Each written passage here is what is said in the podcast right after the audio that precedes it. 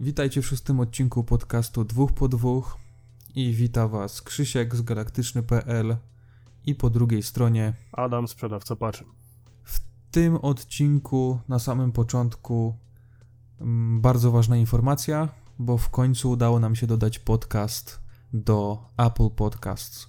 Także to jest naprawdę, wydaje mi się, że najważniejsza informacja, jeśli chodzi o wszystkie usługi, gdzie podcast jest dostępny.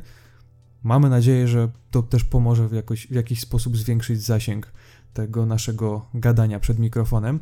E, problem był taki, że wcześniej to wysyłaliśmy w zasadzie chyba przy pierwszym czy drugim odcinku do Apple, ale niestety e, nie udało się dodać, bo był problem z grafiką, jak dobrze pamiętam. Tam mieli jakieś horrendalne wymagania odnośnie wielkości logo, coś takiego było, było rzeczywiście. No, coś takiego było, ale teraz zrobiliśmy to nowe logo, wrzuciliśmy, zrobiliśmy tak jakby mm, ponowne dodanie, no i po dwóch dniach wyskoczyło, że jest podcast już aktywny, także na pewno link do podcastu mm, Apple do iTunesa dostaniecie gdzieś w opisie poniżej, no ale też możecie go znaleźć oczywiście na urządzeniach y, Apple. No i co, Adam? Y, zaczynamy od puszki. No, klasycznie, tradycyjnie. Ale powiem ci, że ja dzisiaj cię może zaskoczę. O. Oczywiście ja mam puszkę. Uważaj. Dobra. Okej, Mam u mnie też. Ale, ale powiem ci, że dzisiaj będzie naprawdę bardzo kulturalnie, bo ja nie będę ciągnął z aluminium, tylko przeleję sobie do kufla. No dobra, to, Nie wiem, czy to słychać. Słychać, słychać, namówiłeś. Ja też właśnie muszę sięgnąć, bo mam na podorędziu nawet. No coś ty, ja myślałem, że cię zaskoczę. Zawsze mam kufel przy sobie, y, jeżeli chodzi o miejsce, w którym nagrywamy, więc myślę, że u mnie chyba tego nie będzie słychać, ale, ale jest. Okej, wierzę na słowo, pianka na dwa palce. No i jedziemy z pierwszym tematem. E, Temat bardzo ważny, bo trochę połączy to, co, o czym rozmawialiśmy w poprzednim odcinku, w piątym odcinku. I Adam tutaj zacznie, bo to jest y, jego temat. E, Jak zwykle będę mówił na temat rzeczy okołogrowych. Mm, No i ten temat, który mieliśmy w ostatnim razie, mm, kiedy nagrywaliśmy, to był Epic Games Store. E, No i teraz dobre strony, złe strony.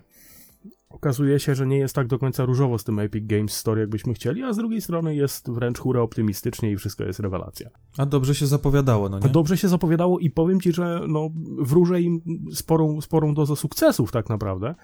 E, Bo zacznijmy od tego, co dobre. E, Dobre jest to, że zaczęli już powoli e, startować tak, jak powinni. Mają już zaklepane kilka produktów dla siebie na wyłączność ku wściekłości i gniewowi graczy, którzy zaopatrują się w gry na Steamie. Mm, Mhm. No, a druga dobra sprawa to jest taka, że mm, zaczynają dawać darmowe gry.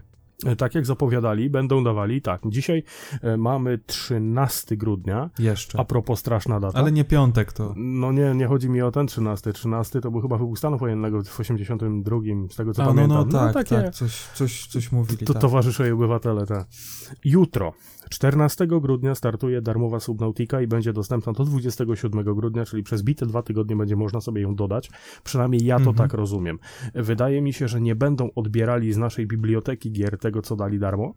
Więc to można sobie co dwa tygodnie przez rok, bo tak zapowiadają, że przez rok to będzie e, działało, będzie można sobie Mhm. rozbudować całkiem niezłą bibliotekę gier, no bo prosty rachunek co dwa tygodnie, no to wyjdzie jakieś 20 parę lekko, nie?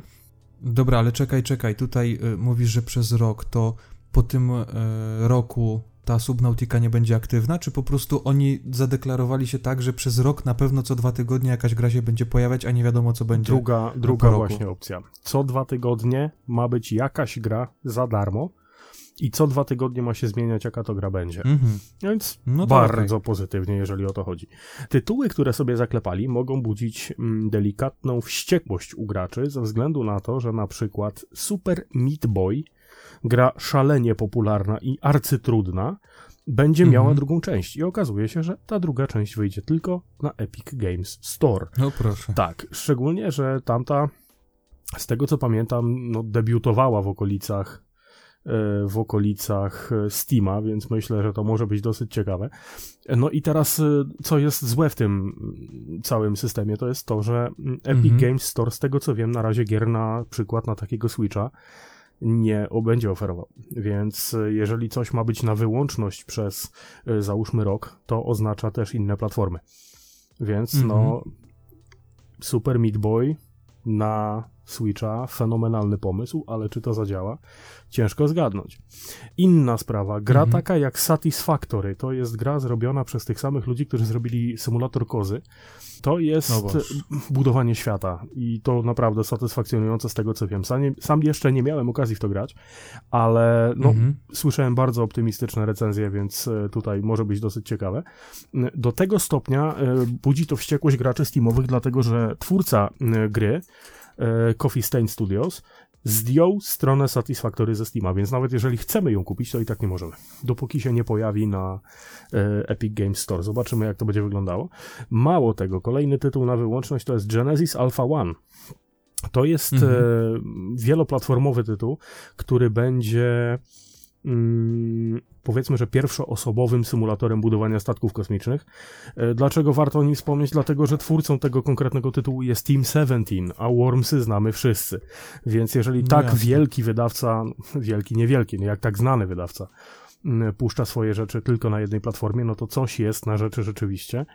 No i ciekawe, jak się to będzie działo. Jeżeli chodzi o dobre to strony. To chyba trochę w twoim klimacie ta gra, no nie? O, oj tak. Ale to ja no, mam bardzo szerokie... Z tego, co pamiętam, tak. Bardzo szerokie spektrum zainteresowań, jeżeli chodzi o gry, także no, tylko sportówek w zasadzie nie lubię. E, FIFA. Nie, nie cierpię. Piłki nożnej nie, nie, nie znoszę i mam swoje powody ku temu. Jeżeli ktoś lubi, śmiało, proszę kopać piłki, tylko proszę nie malować mi budynku i nie drzeć mordy o czwartej rano, bo mi dziecko obudzicie.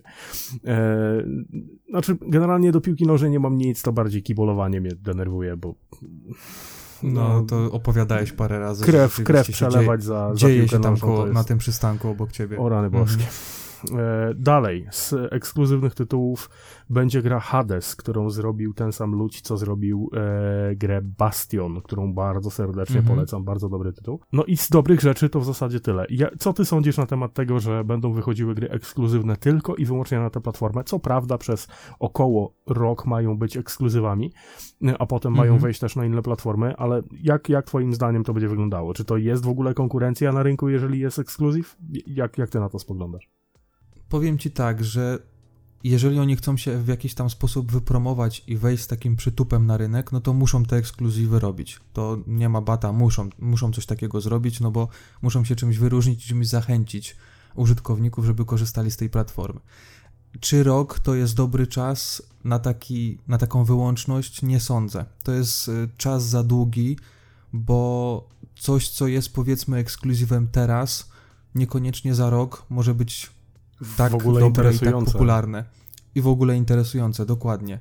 Więc tutaj, gdyby oni to na przykład, no nie wiem, czy miesiąc, czy dwa zrobili takim ekskluzywem, to jeszcze miałoby to może sens. Zobaczymy, jak to będzie, ale mnie interesują też inne tytuły i co się pojawi po Subnautice i tych tytułach, o których wspomniałeś.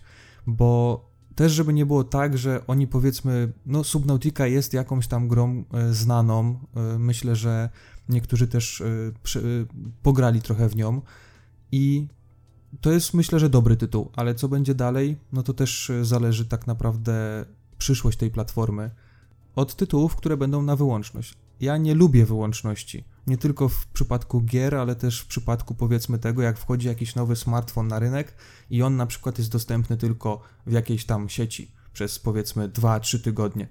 Nie lubię czegoś takiego. Nie wiem, jak ty do tego podchodzisz, ale, ale ja, ja wolałbym mieć równe szanse, jeśli chodzi o zakup, no bo jeżeli to jest powiedzmy gdzieś w jakimś sklepie jeszcze ekskluzyw, no to jeszcze, jeszcze może to przejdzie, ale jeżeli jest powiedzmy u operatora, no to automatycznie zmusza mnie do skorzystania z oferty tego operatora, tak? A jeżeli jestem u jakiegoś innego operatora, no to wtedy a, a rzeczywiście to urządzenie, które gdzieś tam się pojawiło, jest istotne, jest ważne, jest fajne, jest w dobrej cenie, no to wtedy jednak te zmiany, zmiany no, niekoniecznie mogą być na lepsze. Znaczy, jeśli chodzi o y, ekskluzywy jako takie, jeżeli chodzi o produkty na wyłączność, no to zgadzam się z Tobą w 100%. Mhm. No ale pozostaje jedno drobne ale. Jeżeli ty mówisz na przykład o telefonie, który ma być ekskluzywny dla konkretnej serii e, sklepów albo dla, dla konkretnego operatora, no to mówimy o fizycznym produkcie. Tutaj mm -hmm. mówimy o kluczu, który zawsze można wygenerować. E, gry w no wersji jasne, elektronicznej dokładnie. nie mają ograniczenia ilościowego i żeby nie wiem jak się kto spinał, no to sorry, ale no nie, to nie jest produkowana kopia, to jest po prostu kopia. I tyle, więc dajemy komuś klucz, dostęp do, do, do, do zasobu. Więc tak, też tak. Umówmy się, że to jest, y, to jest w zasadzie, no porównajmy sobie powiedzmy wygenerowanie kluczy mhm. do całej dystrybucji, całej otoczki y, kwestii wydania danej gry, tak? Więc tutaj jest no, kolosalna różnica e, nie tylko w kwestii powiedzmy logistyki, y, marketingu, ale też no kasowym, tak? Tych kluczy, tak jak wspomniałeś, można wygenerować całe wiadro i, i tak naprawdę y, rozsyłać y, i tak dalej. No tutaj, jeden no, klik tak naprawdę. No. Dokładnie, jeden klik. Więc to jest takie dosyć, dosyć śliskie, jeżeli o to chodzi. Druga sprawa, jeżeli chodzi o długość, to co ty powiedziałeś. Rok to za długo. Zgadzam się. Dlatego, że nie czarujmy się, ale nowe tytuły, które wchodzą, tych tytułów jest tyle na rynku. Jest tak kolosalna ilość nowych gier codziennie, mm -hmm. nie mówię nawet co miesiąc czy co rok, że większość z tych rzeczy, które się tam pojawi, siłą rzeczy, nawet statystycznie podejdźmy do sprawy, przepadnie w, w pomroce dziejów przez e, jakieś dwa miesiące po, po premierze. No tak. Tytuły, które są kozakami, no tutaj patrzę na przykład na GTA 5, które moim e, tam osobistym faworytem jest, jeżeli chodzi o długowieczność gry. Do, do dziś dnia to się sprzedaje w cenie takiej, że głowa mała i to się sprzedaje. Mhm. I cały czas jest popularny. I cały czas jest platformy. popularny, dokładnie. Yy... Oczywiście czekam cały czas, aż GTA 5 pojawi się na Switcha, ale to tak są takie trochę pobożne życzenia. No, wydaje mi się, że trochę się na to Nintendo nie zgodzi ze względu na tematykę, ale Doom przeszedł, Skyrim przeszedł, kto wie, może i GTA się doczekamy, chociaż... Może, może kiedyś. Sam rozmiar gry do pamięci tego urządzenia, nie wiem, czy taka ilość kompromisów przejdzie. Ale podobno mają wyjść nowe kadridże na gry Mm, pojemniejsze chyba. Mm, nie wdawałem się tam w szczegóły, ale, ale być może to się pojawi, więc też jest szansa powiedzmy na jakieś bardziej rozbudowane gierki. no ale dobra, y, bo ci to, wszedłem to, w zdanie, nie, więc spokojnie, kontynuuj. to była pierwsza część, ta dobra, że będą nowe gry, że będą za darmo dawali gry. E, no ale nie czarujmy się, sklep to sklep. Więc pewne rzeczy mhm. też muszą być ustalone bardzo jasno, na przykład polityka zwrotów. I tutaj zaczynają się schody.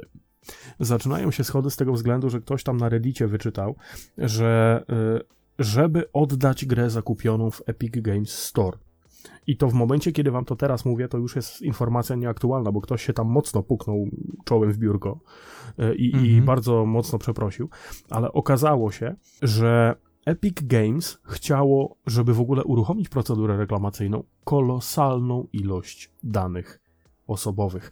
W tym y, cztery, chyba pierwsze czy cztery ostatnie numery karty kredytowej czy, czy płatniczej, z której była zrobiona wow, transakcja. Wow, wow. Dokładnie. Chcieli y, ID faktury, na której to było zrobione. Chcieli. I pewnie numer buta i zęba do wymiany. Blisko, blisko, bo chcieli nawet y, jakiś tam zakres lokalizacji znać, z którego był robiony zakup. No i mhm. teraz wiesz, o ile w Stanach takie rzeczy może i przejdą, bo specjalistą od, od prawa nie jestem w żadnym kraju, ale wydaje mi się, że, że nawet w Stanach, gdzie, gdzie bardzo luźno się podchodzi do tego typu rzeczy, mm -hmm. przynajmniej z tego co wiem, takie coś przechodzi, no to niestety my na terenie Unii Europejskiej będąc, czy się to komu podoba, czy nie, y, no jesteśmy chronieni pewnymi prawami, na które no też musimy zwrócić uwagę. I teraz okazuje się, że GDPR E, czyli ustawa chroniąca dane osobowe jako takie, mhm. no to, to, to jest to nasze RODO nieszczęsne prawdopodobnie, więc e, no tutaj się zaczęły robić schody dla Epic Games, bo po pierwsze, y, no nie wolno im zbierać takich informacji, e, więc tam już, tak jak mówiłem, ktoś walnął głową w biurko i już teraz mhm. potrzeba tylko ID faktury, na której to było kupione i tyle. Więc to jest ta jedna dobra rzecz. Ale druga rzecz, niekoniecznie dobra, jest taka, że w momencie zakładania konta jest taka jebitna litania, której nikt nie czyta. I tam w podpunktach, w które też się ktoś zagłębił, jest napisane, że Epic Games jako instytucja przetwarzająca nasze dane, które podajemy z własnej nieprzymuszonej, mhm. może je wysłać do dowolnego, określonego przez siebie i to bardzo nieprecyzyjnie określonego przez siebie podmiotu w celach związanych z tam obróbką danych i tak dalej. Mało tego, tam jest jeszcze informacja o tym, że to może być wysłane do miejsc, na naszej pięknej planecie, gdzie jurysdykcja RODO nie sięga.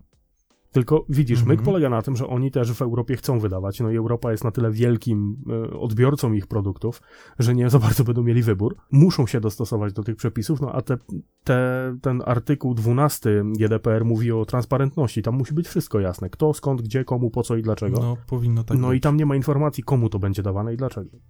Mało No to nieźle, tego, nieźle. mało tego, jest jeszcze gdzieś tam napisane, że czas przetwarzania danych osobowych jest zależny od tego, co oni mają do powiedzenia, a nie od tego, co my chcemy. Więc my nie mamy możliwości wglądu i modyfikacji według ustawy, tylko po Mhm. prostu zgadzamy się z góry, a oni sobie robią z tym, co chcą.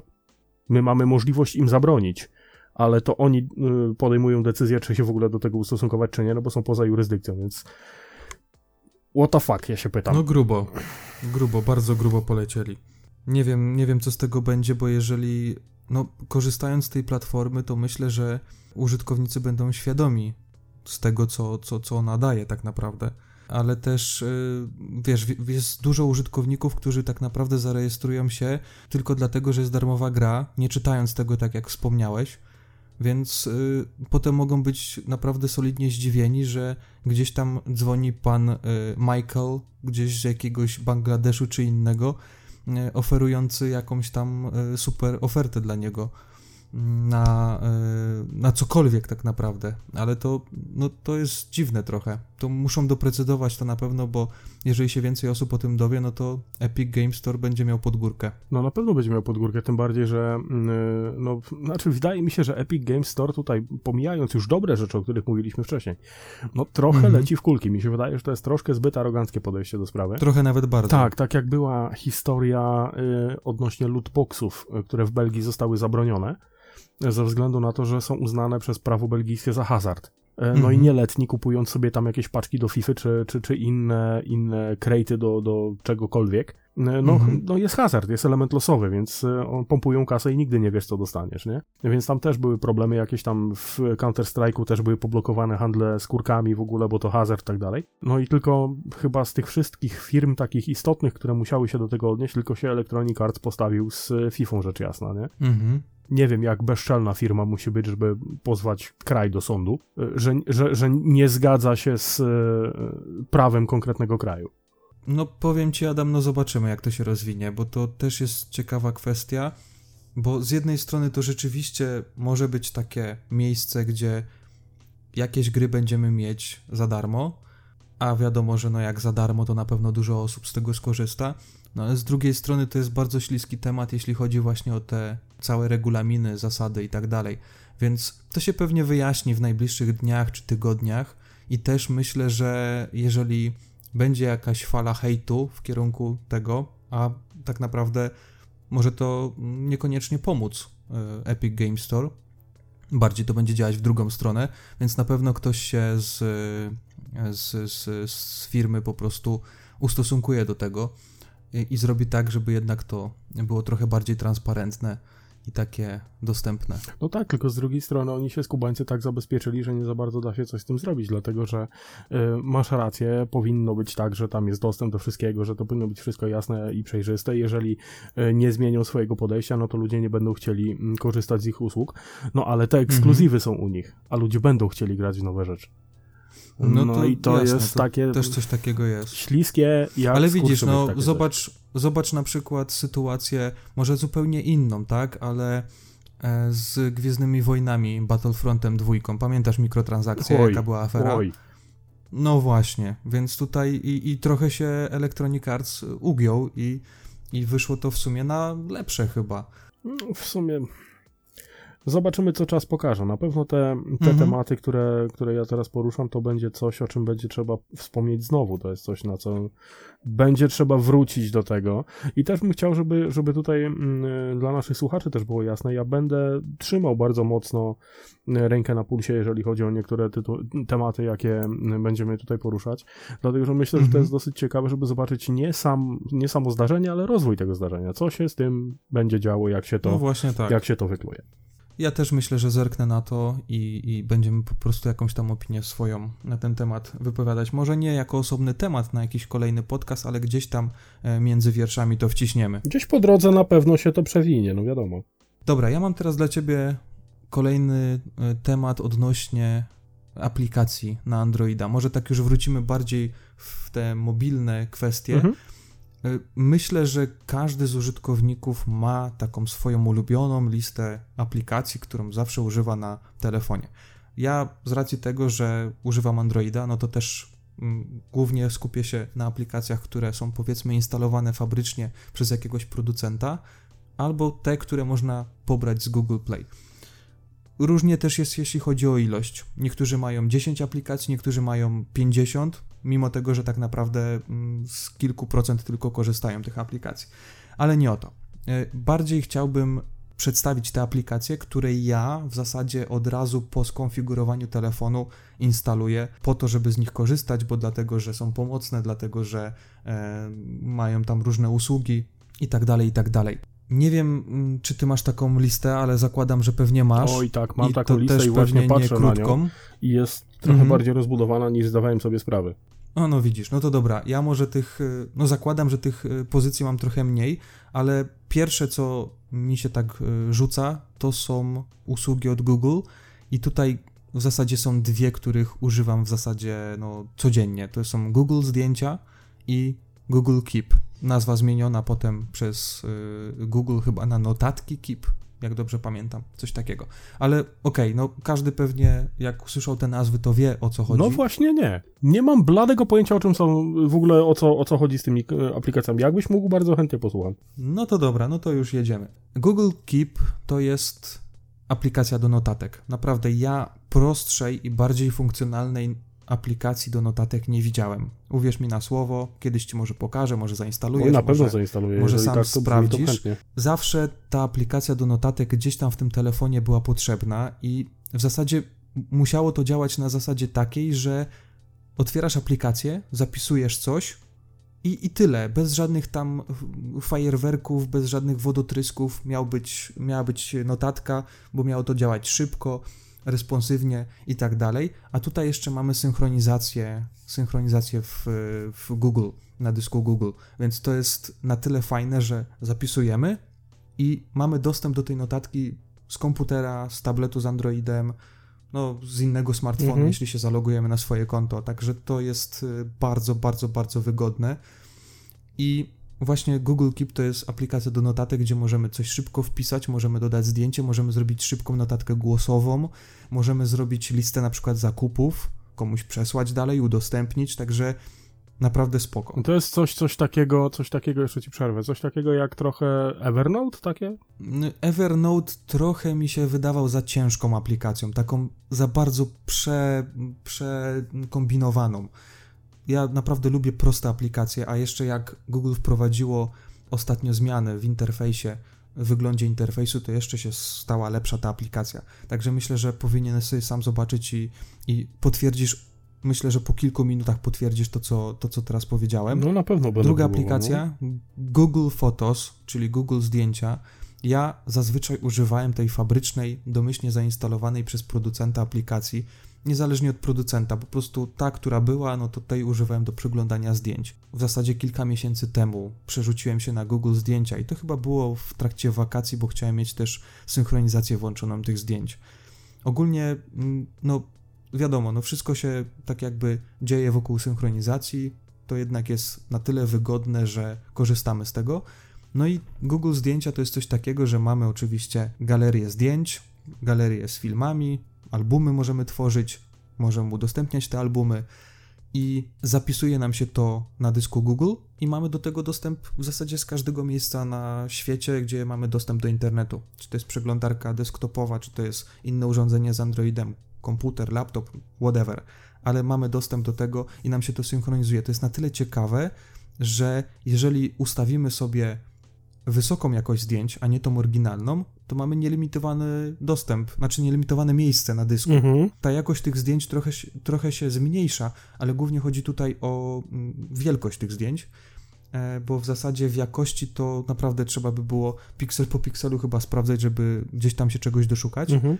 ale naprawdę bardzo wygodne, bardzo wygodne aplikacje od y, Google. Pewnie też wiele osób y, korzysta z tego. Jeśli chodzi o kolejne jakieś aplikacje, to nie wiem, czy, czy słyszałeś o aplikacji, która się nazywa Textra. Nie znam. Słyszałeś, czy nie? Nie, nie, nie znam tego w ogóle. Co to jest?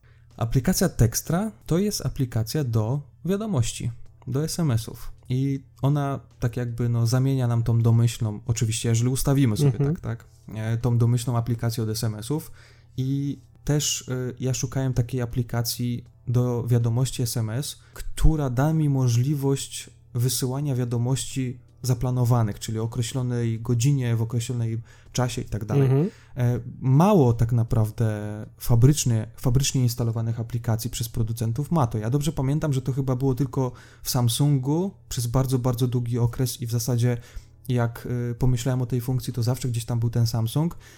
Ostatnio dowiedziałem się, że też y, Xiaomi w którejś tam swojej wersji nakładki to wprowadziło, a w aplikacji Textra było to po prostu od samego początku.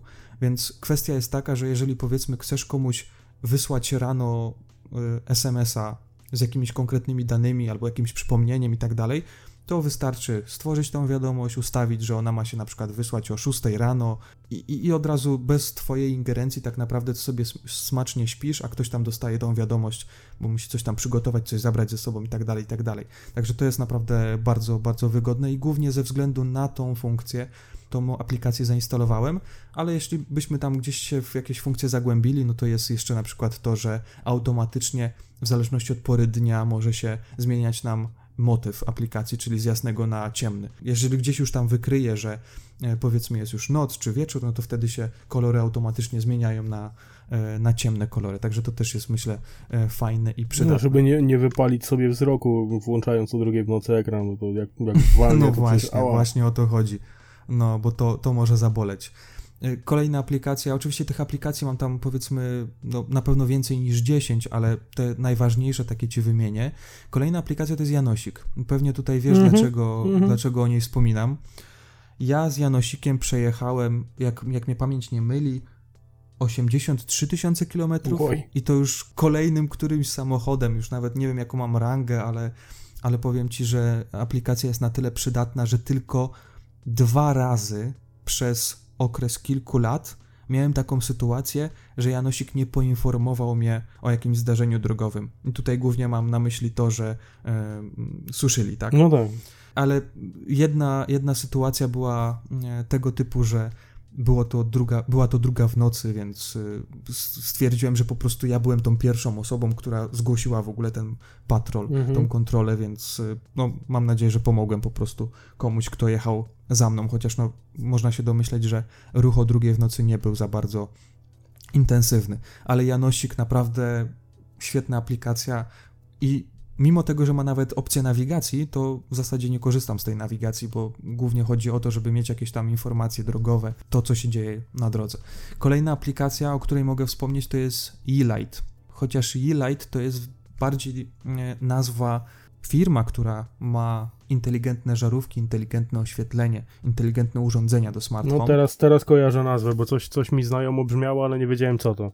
Są dwie aplikacje. Możemy wybrać albo E-Light, mhm. czyli taką głównie dedykowaną do oświetlenia, ale możemy też wybrać Mi Home, czyli taki główny, nie wiem, agregator, tak to można nazwać, do wszystkich urządzeń smart home, niezależnie czy to jest oświetlenie, czy, od, y, czy odświeżać powietrza, oczyszczać powietrza, przepraszam, czy jakieś inne tam urządzenia od mhm, Xiaomi, mhm. czy E, marek współpracujących z Xiaomi. No, głównie chodzi o to, żeby po prostu kontrolować sobie czy lampkę na biurku, czy lampkę nocną w zasadzie jednym i dwoma kliknięciami, ustawiać sobie, jaka ma być barwa oświetlenia, e, jak intensywnie ma świecić. No i też pytanie do ciebie, bo ja bym mógł tak gadać o tych aplikacjach bez przerwy i ten podcast by trwał kilka godzin. Tutaj też y, pytanie do ciebie, jakie ty masz aplikacje, bo myślę, że albo się delikatnie pokryją, albo będą zupełnie inne. Znaczy, na pewno to, co się pokryje, to podejrzewam będą rzeczy związane z e, social media, czyli mhm. Facebooki, nie Facebooki, Twittery, Instagramy, tego typu rzeczy, no to jest podstawa. No właśnie, no tak jak powiedziałeś, podstawa, więc ja o tym nawet nie no. wspominam, typu na przykład aplikacje Twitter, Instagram, e, Facebook, e, Messenger, nawet mogę tutaj do tej grupy doliczyć Allegro czy Ceneo, bo to tak naprawdę jest na tyle przydatne, że myślę, że większość użytkowników ma to na no swoim No, no, ale takiego Whatsappa czy coś takiego. Jeżeli chodzi o rzeczy, które mam mhm.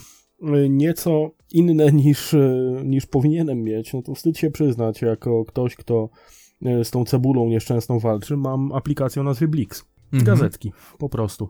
Gazetki promocyjne. A. Nie ze względu na to, że jakoś tam tej cebuli przesadnie szukam, ale dlatego, że no po prostu czasem nie pamiętam, co mam kupić. No i włączę mhm. sobie tak, aha, idę do Biedry, czy idę do, do Oszołoma, czy idę gdziekolwiek indziej. Włączam gazetkę, aha, czekaj, coś, coś tu było, przewija, przewija, a, dobra, miałem kupić kabaninę, nie? Na zasadzie mhm. takiego, takiego delikatnego przypominacza. Z racji tego, że też jestem fanem gadżetów rozmaitych, na pewno będę miał zainstalowaną aplikację taką jak Wish, taką jak e, Gearbest, taką jak Banggood. Czasami mm -hmm, okazuje się, że nawet nie w celu zakupienia, tylko po, na przykład porównania ceny. Jeżeli jestem w sklepie najczęściej wielkopowierzchniowym i widzę jakiś produkt, który mnie mm, e, no, zainteresował do tego stopnia, że rozważam jego zakup, to w którymś mhm. momencie, ale chwila, no przecież nikt nie śpi na pieniądzach, nie? No jasne. Jeżeli się okaże, że ja jestem w stanie z Chin ściągnąć coś dokładnie takiego, ewentualnie bardzo zbliżonego za, nie wiem, jedną dziesiątą ceny, no to sorry, mhm. ale no sklep nie zarobi, nie? E, z aplikacji, które na pewno będę miał zawsze w e, użyciu, to na pewno będzie Steam. E, klient na Androida pozwala na rozszerzenie bezpieczeństwa naszej aplikacji, gdzie no, tych tytułów mam mhm. przeszło tysiąc, więc no, szkoda by było, jakby przepadło, nie? jakby mi się ktoś gdzieś tam włamał, więc autentykator, token zabezpieczający dodatkowy jest zawsze pod ręką. E, no, no w sumie sprytne. W zasadzie pozostałe aplikacje, jakich mogę tutaj używać, tak patrzę w tym momencie, trzymam telefon w ręku, to na pewno będzie aplikacja e, związana z przychodnią zdrowia, do której jestem zapisany i mogę sobie na przykład przez internet pyknąć rezerwację, że wtedy i wtedy chcę pójść do lekarza. Nie? No i to w ogóle jest fajne, że taka aplikacja jest, że jakaś tam lokalna przychodnia ma taką aplikację, więc to jest naprawdę spoko. No jest szalenie wygodne, naprawdę szalenie wygodne. Wiadomo, że wszyscy jesteśmy zajęci, najlepiej, żeby doba miała 70 godzin więcej.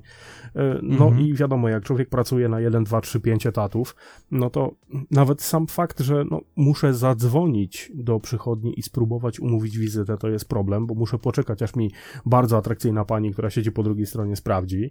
E, muszę to mhm. sprawdzić z moim terminarzem, a w tym momencie ja po prostu mam wybór lekarza i mam lekarzy przypisanych do mnie, więc wybieram lekarza, aha, dzisiaj pójdę do pani doktor takiej i takiej, e, kiedy ma wolny termin, wtedy. Czy mi pasuje, pasuje, klik, tyle. Więc szalenie, szalenie wygodne. E, kolejna sprawa to jest na przykład tutaj miejscowa mm, komunikacja miejska, taki typowy zbiorką. Przydaje mm. się, naprawdę przydaje się w razie jakby trzeba było się gdzieś dostać, a, a nie za bardzo widać coś po nocy. E, na pewno będzie, będzie istotne nie, nie używam więcej jakoś aplikacji takich, bo zazwyczaj telefon, którego mm, jestem tutaj w stanie używać w jakimkolwiek zakresie, to jest śród, który niewiele jest w stanie dźwignąć. Mhm. Zastanawiam się nad jakimiś agregatorami mm, do social media. Nie chcę mieć zainstalowanych 4-5 aplikacji. Wypróbowałem właśnie coś takiego, jak to się nazywa bodajże Quick Social. Mhm. Quick Social Network chyba, nawet nie wiem. Tak, Quick Social Network. Jak na razie jakoś przesadnie zachwycony nie jestem, dlatego że no Twitter, Facebook i, i tyle. No mhm. a ja tych, tych kont gdzieś tam dookoła mam trochę więcej, więc y, no trochę to boli. W sumie to poza jakimiś tam okazjonalnymi grami, które ułatwiają życie na toalecie, to, to raczej, raczej nie mam nic e, wartego, wartego uwagi. E, w bibliotece jednak tych rzeczy, które mm, mam instalowane na przestrzeni wszystkich urządzeń z tabletami włącznie, no to mhm. przewija się tego troszkę więcej. Na przykład i WeLink to jest program do sterowania smart wtyczką do światła na przykład. No kurczę, to kompletnie mi nieznane. Tak, y, niedługo recenzja, także już, już y, w, w trakcie. Na pewno okay. jako człowiek obeznany z internetem w takim zakresie, a nie innym, e, lubię się czasem pośmiać, więc wszelkie mhm. jakieś nine-gagi, chan browser, żeby zajrzeć do, do tych, tych niekoniecznie koszernych otchłani internetu, też mam, ale raczej tutaj nie za bardzo jest się czym, chwalić, o nawet e, głupie zbieranie punktów w Rosmanie, o, to, tego typu rzeczy mogą się przewinąć. Czy wiesz, to wszystkie, wszystkie aplikacje są tak naprawdę przydatne w jakimś tam zakresie, ale jakby tak człowiek miał rzeczywiście mieć je wszystkie na telefonie, to by pamięci pewnie zabrakło. Mm. Wiesz co, ja tutaj chcę y, poruszyć taki temat y, też poniekąd związany z naszą branżą, z naszym tym, co na co dzień robimy, kwestia testowania urządzeń, testowania smartfonów przede mm. wszystkim. Y, jeżeli powiedzmy tam, no dajmy na to, że y, masz raz w miesiącu jakiś smartfon do przetestowania, to i tak już mówię takim naprawdę bardzo luźnym, różnym te luźnym terminem, że tak powiem. No, raz w miesiącu to Oczywiście, no okej, okay, tak, tak dajmy, ale to i tak y, kwestia tego, że jeżeli chcesz dokładnie ten smartfon przetestować, to musisz to robić tak, jak ten smartfon byś używał na co dzień. No tak. tak. jakby to był twój smartfon, więc w zasadzie te aplikacje też musisz zainstalować i skonfigurować tak samo, jak masz na swoim, powiedzmy, tak zwanym daily, mhm. czyli codziennym telefonie, który, który powiedzmy używasz y, na co dzień do, do tych wszystkich zadań, które masz, więc tutaj jest to trochę upierdliwe, bo jednak musisz przeglądać tą listę, musisz sobie doinstalować wszystkie aplikacje, których używasz, skonfigurować je, więc no, jak powiedzmy ktoś rzeczywiście intensywnie testuje y, nawet i kilka smartfonów Pół dnia w plecy na, przykład, na, na, na no ustawienie to powiem ci, że nie jest za ciekawie. No ale tu kwestia, kwestia bardziej tematu była związana z aplikacjami, których używamy na co dzień i bardziej taka można powiedzieć, ukierunkowana w jeden smartfon, tak? No bo taki mm, użytkownik, który nie zajmuje się testowaniem urządzeń, ma jeden smartfon, dajmy na to, no może drugi gdzieś tam służbowy też się czasami Służbówka zdarzy. najczęściej, tak. Ale w dobie, w dobie wszech, po, powszechnych dual simów, no to też nie zawsze ta, ta służbówka jest, no wrzucamy drugą kartę i z bani, nie? Teraz mało który telefon dual sima nie ma, więc to też nieco ułatwia życie. No jasne, więc może, możemy też to ograniczyć do jednego telefonu i tutaj powiem Ci tako, taką jakby ciekawostkę. Kiedyś ta lista moja wyglądała zupełnie inaczej. Jeśli byśmy się cofnęli gdzieś powiedzmy o rok, dwa mm -hmm. lata do tyłu, no to na przykład nie było aplikacji e-light. Ja jej w ogóle nie używałem z prostego względu, po prostu nie miałem oświetlenia smart home, więc y, nie, nie musiałem jej używać. No tak, tak? a w tym momencie Ale ciężko to... sobie wyobrazić funkcjonowanie bez tego podejrzewam. No właśnie, no właśnie. Także też ciekaw jestem, jak, jak to wygląda w przypadku innych użytkowników. E, naszych słuchaczy, czy, czy jestem pewien, że ta lista wygląda zupełnie inaczej, jest, e, jest bardziej, bardziej rozbudowana, więc jeśli gdzieś tam macie pod ręką Twittera naszego, to możecie nam dać znać, co tam używać. I jak tam, Adam, przerwa? Przerwa jak najbardziej przerwa. No, ja jeszcze tutaj od myślę, razu mówię, że, że myślę, że to wrzucę będzie. na Twittera bardzo proste pytanie. Jaka jest najbardziej dziwna aplikacja, jakiej używacie na co dzień? To też może być ciekawe. No ciekawe. I na pewno wrócimy do tego tematu. Póki co, przerwujemy się. Jasne, przerwa. Wracamy po przerwie i wyjątkowo w tym odcinku ja nie otwieram drugiego browara, bo nam się tak bardzo dobrze w pierwszej części e, rozmawiało, że ja jeszcze w kuflu mam troszeczkę tego złotego trunku, więc dopiję i może później otworzę. Nie wiem, jak tam u ciebie, Adam. Nie, no ja poczekam spokojnie, nie pali się. E, tutaj nie, nie chodzi o to, żeby się nadgać w czasie, tylko żeby było dobrze. Poczekaj, bo, bo tak nie może być, żebyś ty miał sucho w ustach, więc Ale nie, chwilę, nie, spokojnie, poczekaj. Moment.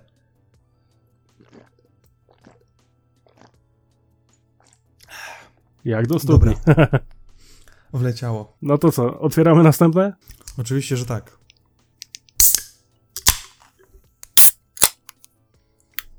No i poszło. No to Tym razem nie będę teraz... przelewał? Nie, ja kulturalnie spróbuję przelać, żeby było dobrze. E, w drugiej części ty zaczynasz, prawda? Tak, tak. Zacznę nawiązując do tego naszego tematu, o którym rozmawialiśmy zaraz przed przerwą, odnośnie aplikacji. Ja chciałbym się skupić jeszcze na jednej aplikacji, o której nie, nie wspomniałem specjalnie właśnie w tej mojej liście takich najbardziej ulubionych, najbardziej używanych aplikacji, najczęściej używanych. Chodzi o BlackBerry Hub. Nie wiem, czy ty miałeś styczność kiedykolwiek z tym, ale już ci mówię o co chodzi. No nie miałem akurat, więc też chętnie się dowiem o co chodzi. Ja od kilku miesięcy, jak pewnie dobrze wiesz, używam BlackBerry. BlackBerry mhm. najpierw Key One, potem był Key 2, teraz obecnie testuję Key 2 Eli i to wcale nie jest francuska nazwa, Key 2 Eli. To trochę tak, tak pachnie jak, jak obraz upadłej Madonny z wielkim cycem fanklompa, tak trochę tak powiało. Może tak być. Mhm. BlackBerry Hub to jest aplikacja, która była od zawsze w BlackBerry, ale ja nie zawsze BlackBerry używałem. No ja w ręku miałem może ze dwa razy, więc też, też no nie, nie znam aplikacji. Ale tak, jeśli chodzi o BlackBerry Kitu, ja używam e, aplikacji BlackBerry Hub, no i naprawdę jestem tak zadowolony z tego, że mm, nie wiem, nie wiem tak naprawdę, e, czy uda mi się wszystko tutaj opowiedzieć w tych kilkunastu minutach.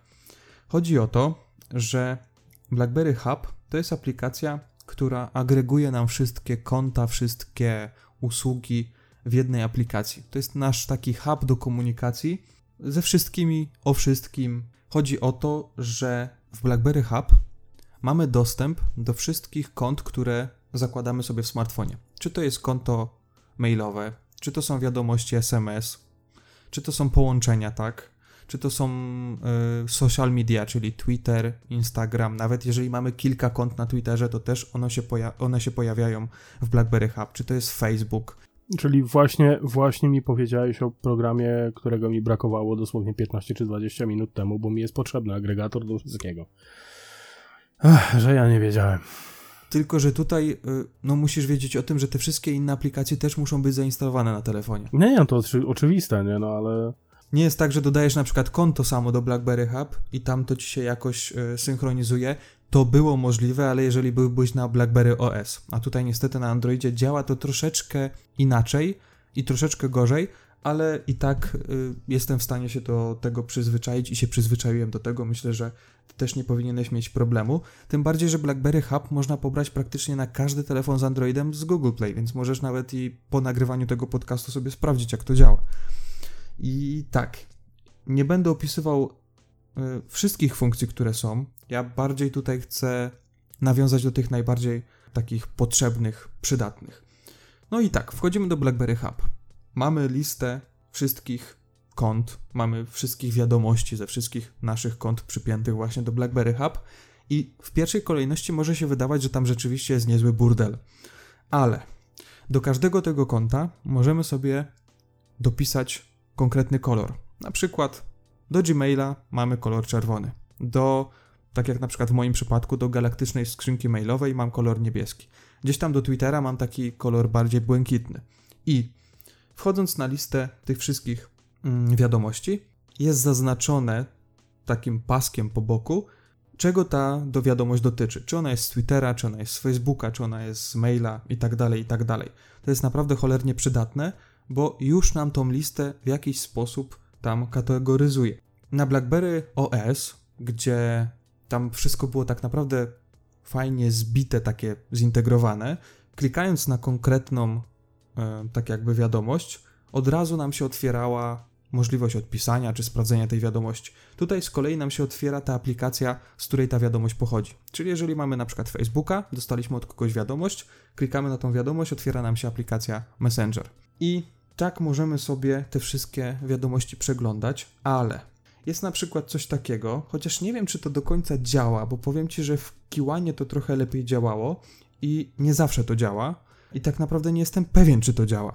Ale jeżeli na przykład mamy zaznaczony kolor niebieski w przypadku skrzynki jakiejś mailowej, mhm. to dioda powiadomień w sytuacji, w której dostaniemy powiadomienie, ona świeci na kolor niebieski, na taki, jaki zaznaczyliśmy.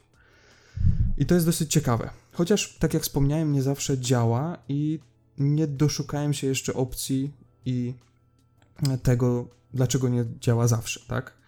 Jeśli chodzi o ustawienia całej tej aplikacji, to oczywiście nie zabrakło tego, że jest tryb jasny, tryb ciemny, więc to, o czym wcześniej wspomniałem. Obecnie standard trochę już, nie? Tak, tak. Coraz więcej aplikacji to ma i to jest naprawdę bardzo, bardzo przydatne. Jeśli chodzi o na przykład jakieś szybkie akcje w tej aplikacji, to mamy tak, że jeżeli mamy jakąś wiadomość, to możemy wybrać sobie gest muśnięcia w prawo bądź w lewo. Akurat tutaj domyślnie jest tak, że jeżeli muśniemy z lewej krawędzi do prawej, to możemy ustawić sobie drzemkę. Czyli na przykład dostaliśmy jakieś, mamy jakieś nieodebrane połączenie, ale nie możemy teraz oddzwonić, ustawiamy sobie drzemkę, że za 10-15 minut ma nam przypomnieć ta aplikacja o tym, że mamy oddzwonić do tej konkretnej osoby.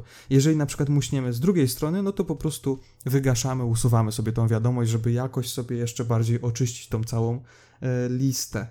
No, mówię ci, no tutaj tak naprawdę jest multum, multum opcji. Jest to naprawdę bardzo przydatne, bo wszystkie, dosłownie wszystkie wiadomości, całą komunikację mamy w jednej aplikacji. Nie musimy się przełączać, nie musimy szukać na liście aplikacji tej konkretnej aplikacji, którą chcemy akurat używać.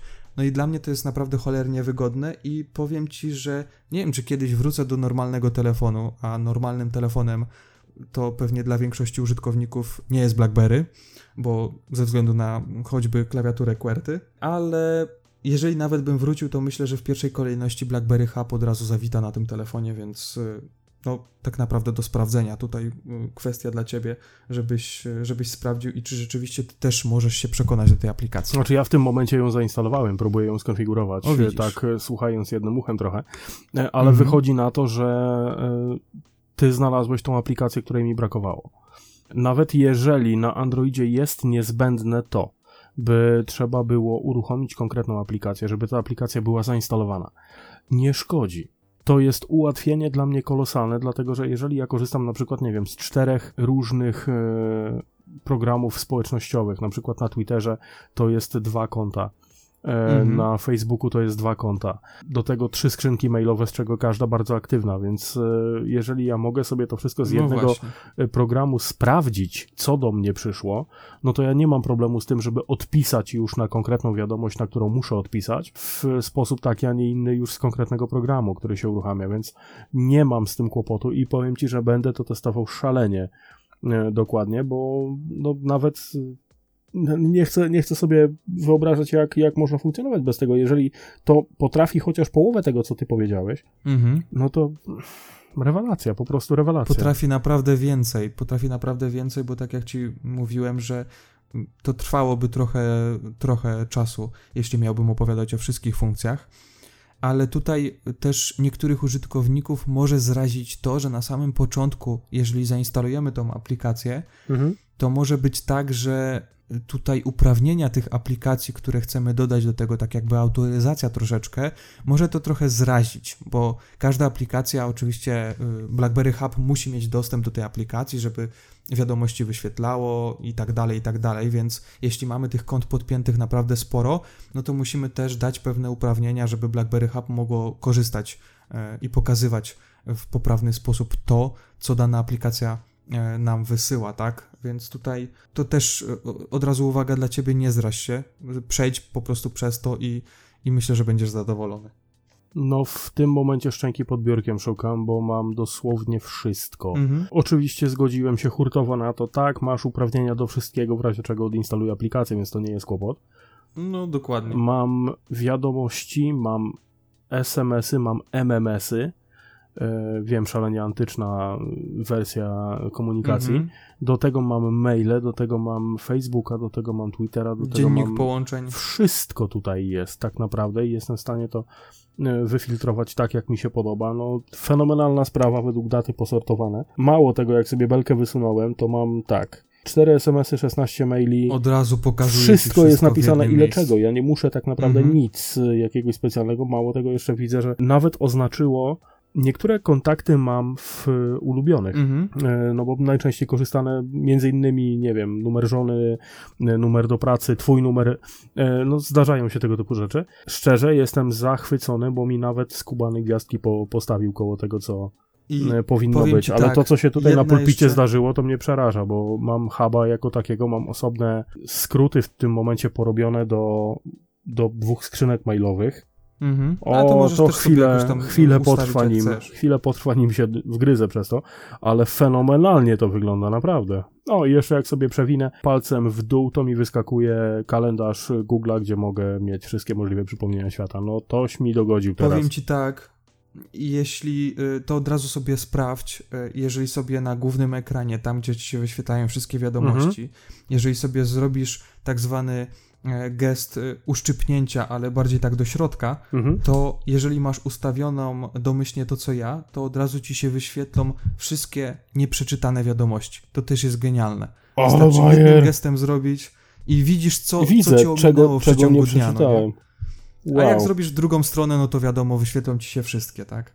No w zasadzie te, które już miały sens, to, to, to nie, ma, nie ma ten, to ja mogę to szczypnąć i zostawić tak naprawdę. Mhm. O, aleś mi dogodził. Ojojoj, to nawet nie wiedziałem, że takie coś jest. No w końcu jest po 22 i to grubo, fajne. więc... 23, nawet prawie północ. O, no 4 minuty i będzie północ, dokładnie. No. No to rzeczywiście. No dobra, no to ciekawe. myślę, że będziesz, będziesz sobie to testował. Ja tak jak Oj, mówię, bardzo intensywnie to... będę testował, na pewno to. Ja używam tego naprawdę już przez myślę, że na pewno ponad pół roku, bo to jeżeli Key był, potem przesiadłem się na Key 2, Oczywiście recenzję obydwu telefonów możecie przeczytać na Galaktycznym i naprawdę przekonałem się do tej aplikacji, także ja jestem bardzo zadowolony. Zanim przejdziemy do ostatniego tematu, ja tutaj muszę mm, wspomnieć, że mamy dwie odpowiedzi na Twitterze na pytanie zadane w pierwszej części. To jest pytanie, jaka jest najbardziej nietypowa aplikacja, jakiej mm, używacie na co dzień. Mhm. Powiedziało nam dwóch ludzi. Jeden z nich to jest, z tego co widzę, Rygiel napisane bardzo dziwnie. Yy, małpa V4K. Napisał Pepper. Mhm. Czyli jednak cebula w narodzie jest bardzo rozbudowana i bardzo silna, więc yy, no, gratulujemy wyboru. Tak jak ja z Blixa korzystam, tak samo Pepper pozwala na wyłapanie całkiem ciekawych promocji. No, Pepper chyba jest najbardziej popularny teraz, więc normalne, że użytkownicy korzystają z tej aplikacji. Mhm. Druga osoba to jest Bartłomiej. Ciężko mi wypowiedzieć e, w okolicach półtora browara Oathiable. Nie wiem, jak, jak to dokładnie przeczytać. E, e, mhm. Dwie aplikacje, które on podał, to jest Todo, 2DO mhm. i Mifit.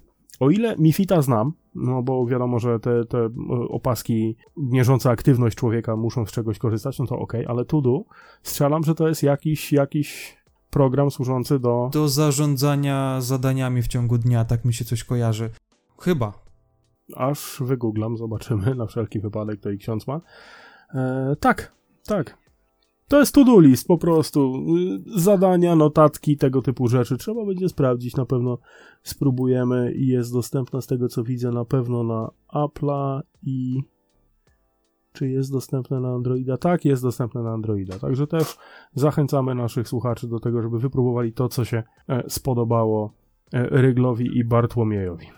I ja akurat z nie korzystam y, ze względu na to, że w BlackBerry po prostu jest osobna aplikacja pod tytułem zadania i to też działa na podobnej zasadzie, więc y, nawet powiem Ci, że y, nie instalowałem aplikacji Tudu, ale ją znam dobrze. No ja na moim, na moim śrutofonie jeszcze nie miałem okazji czegoś takiego testować, a na pewno mam coraz więcej obowiązków i będzie trzeba tego pilnować. Tudu mhm. wypróbujemy, Pepera znamy, E, Mifita nie skorzystam z racji tego, że po prostu opaski aktywności tej firmy nie mam, ale na pewno, na pewno warta uwagi, skoro jest używana codziennie. Z tej aplikacji tak naprawdę skorzystają tylko te osoby, które mają jakieś urządzenie od Xiaomi typu Smartband czy, czy jakaś tam inna opaska.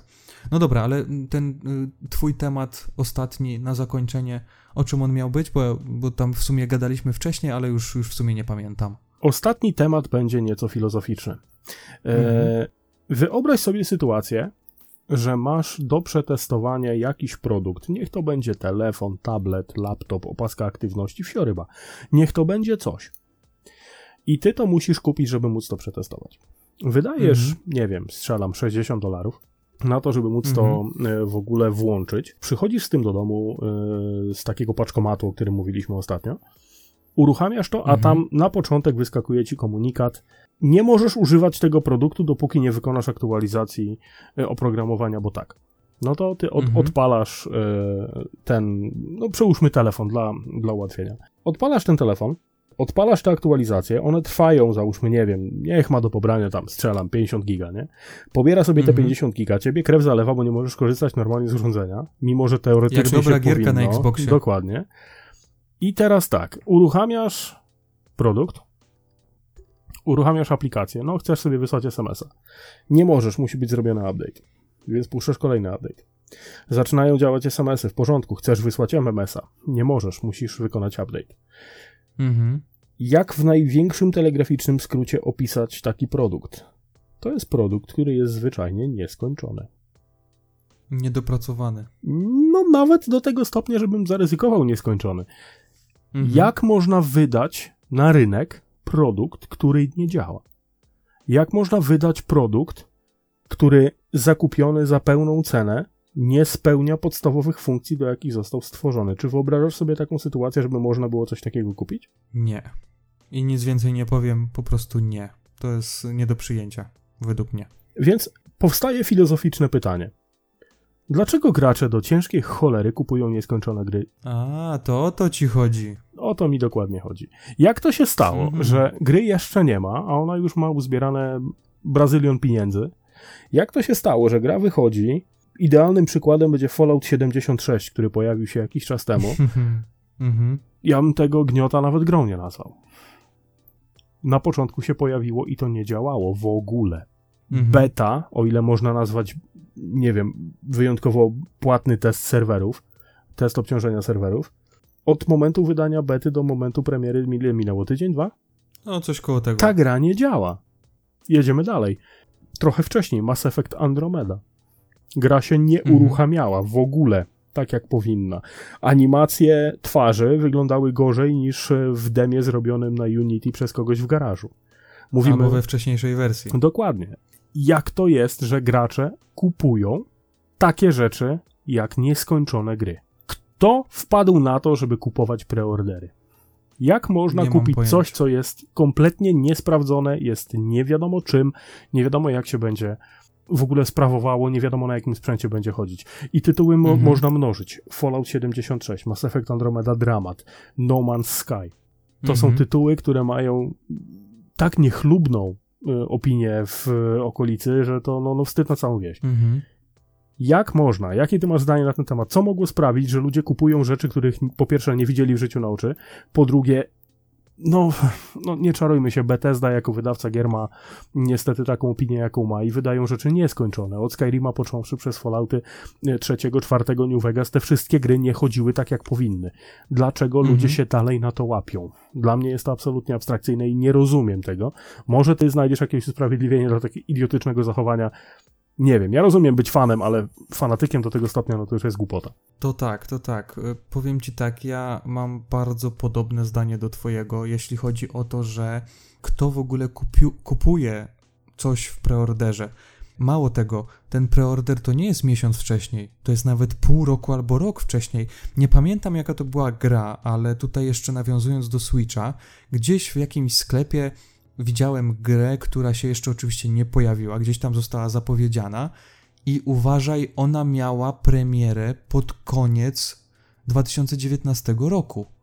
Przypomnę, że mamy grudzień 2018. To jest y, bity praktycznie rok, prawie rok przed jej wydaniem takim finalnym, więc kto do ciężkiej cholery wydałby, powiedzmy tam, strzelam, dwie stówy na grę, która pojawi się dopiero no, za niespełna rok, więc to, to jest, ja jestem w szoku, że, że w ogóle są takie osoby.